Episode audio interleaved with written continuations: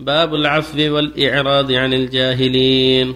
قال الله تعالى خذ العفو وأمر بالعرف وأعرض عن الجاهلين.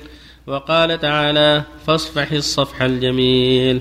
وقال تعالى وليعفوا وليصفحوا ولا تحبون أن يغفر الله لكم. وقال تعالى والعافين عن الناس والله يحب المحسنين. وقال تعالى ولمن صبر وغفر إن ذلك لمن عزم الأمور. والآيات في الباب كثيرة معلومة. وعن عائشة رضي الله عنها أنها قالت للنبي صلى الله عليه وسلم هل أتى عليك يوم كان أشد من يوم أحد؟ قال لقد لقيت من قومك وكان أشد ما لقيت منهم يوم العقبة.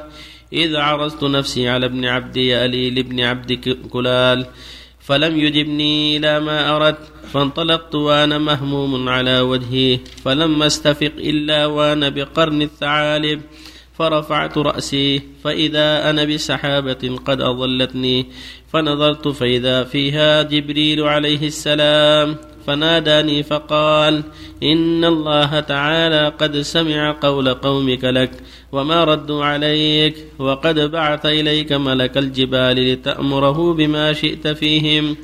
فناداني ملك الجبال فسلم علي ثم قال يا محمد إن الله قد سمع قول قومك لك وأنا ملك الجبال وقد بعثني ربي إليك لتأمرني بأمرك فما شئت إن شئت أطبقت عليهم الأخشبين فقال النبي صلى الله عليه وسلم بل أرجو أن يخرج الله من أصلابهم من يعبد الله وحده لا يشرك به شيئا.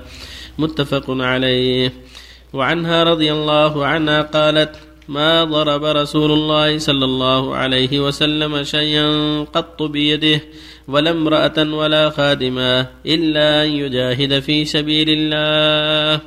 وما نيل منه شيء قط فينتقم من صاحبه إلا أن ينتهك شيء من محارم الله تعالى فينتقم لله تعالى. رواه مسلم. بسم الله الرحمن الرحيم. الحمد لله وصلى الله وسلم على رسول الله. وعلى آله وأصحابه ومن اهتدى بهدى أما بعد هذه الآيات والحديثان كلها في الحث على العفو والصفح والصبر والتحمل والله أثنى على أهل العفو وأمر به.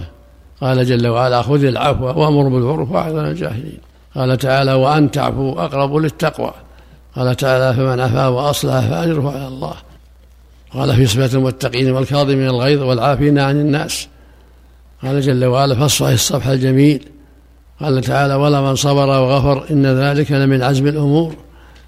وهكذا ما جرى عليهم العقبة عليه الصلاة والسلام من تكذيبهم وإنكارهم ومقابلتهم له بالكلام الردي لما أنذرهم وحذرهم حتى خرج على وجهه فلم يوفق الله وهو في محل بعيد فرفع رأسه فإذا هو بالسحابة فيها جبرائيل فأخبره جبرائيل أن الله قد سمع كلام قومه له وأمر ملك الجبال أن ينفذ فيهم ما يريده عليه الصلاة والسلام من شدة غضبه عليهم.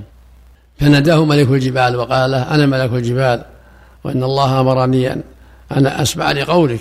فإن شئت أطبقت عليهم الأخشبين يعني الجبلين. قال لا بل أستعني بهم. أرجو أن يخرج الله من أصلابهم من يعبد الله. هذا في صفحه وعفوه عليه الصلاة والسلام. يرجو أن الله يخرج من أصلابهم من يعبد الله وحده وقد وقع ذلك. أخرج الله من أصلابهم من يعبد الله وأسلم الكثير منهم. وهذا من لطف الله ورحمته جل وعلا. وهكذا تقول عائشة رضي الله عنها ما ضرب عبدا ولا أمة ولا زوجة يده عليه إلا يجاهد في سبيل الله ومن انتقم لنفسه. ما خير بأمرين إلا اختار أيسرهما. ولا انتقم لنفسه قط بل يعفو ويصفح.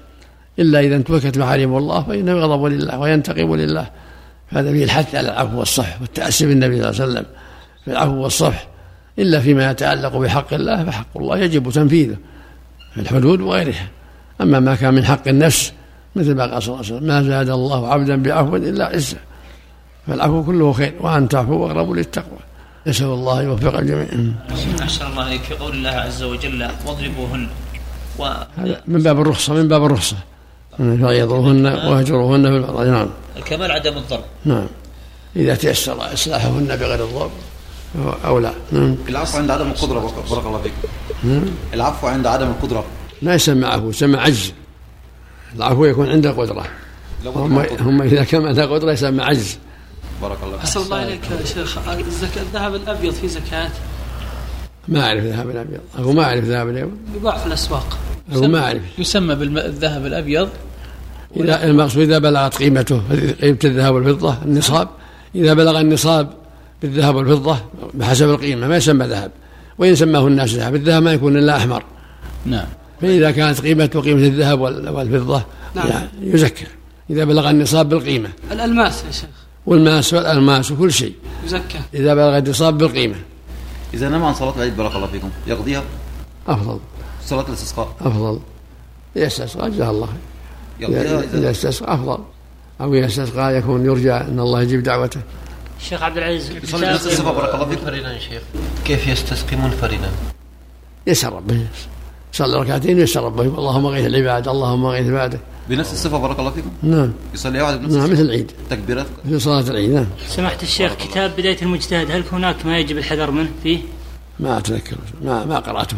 قرأت بعض الشيء. قرأت بعضه ما قرأته كله. يذكر الخلاف. يؤخذ منه ما, وافق الحق. مثل غيره من كتب الخلاف أحسن الله إليك يا شيخ. النظر إلى مكان السجود في الصلاة هل في حديث صحيح؟ ما أتذكر إلا فيه النهي عن رفع الأبصار. في تحذير من رفع الأبصار وأن من السنة؟ والواجب طرح البصر.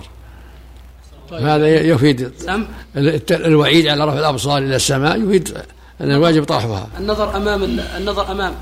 لا السنة إلى موضع السجود لأنها أقرب إلى الخشوع الإيماء يا شيخ عند الإيماء وعند التشهد. هل ورد شيء يحدد تحديد البصر؟ بأن الإنسان يطرق بصره محل يعني ما أذكر شيء في هذا المقصود يتعاطى ما هو أقرب إلى الخشوع. أحسن الله إليك مقدمة إسلام من الولد وكانوا لها حجابا من النار. هل في حياة المرأة والله بعد وفاتها؟ ما عندنا تقديم إلا في الحياة. إيه أطفال يعني. أطفال. عندنا طفلين أو ثلاثة. سبحان الله التمييز. إيه نعم، دون التمييز.